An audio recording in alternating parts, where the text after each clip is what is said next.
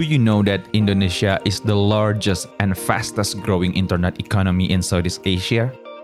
According to the research done by Google, Indonesia internet economy is set to reach a massive 40 billion US dollars only in 2021.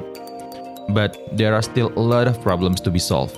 In 2019, we have at least 600,000 gaps between tech talent and demand coming from the industry there are a lot of things to fix to achieve financial inclusion and to improve financial literacy.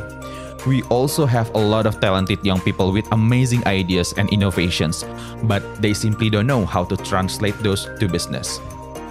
Don't worry, in podcast Ngobrolin Startup dan Teknologi, we are going to have deep discussions with many tech leaders, founders, investors, venture capitals, and all of the people involved in the startup ecosystem and we're gonna talk about all of the topics that you might be interested in, such as business, product development, engineering, marketing, investment, and many more.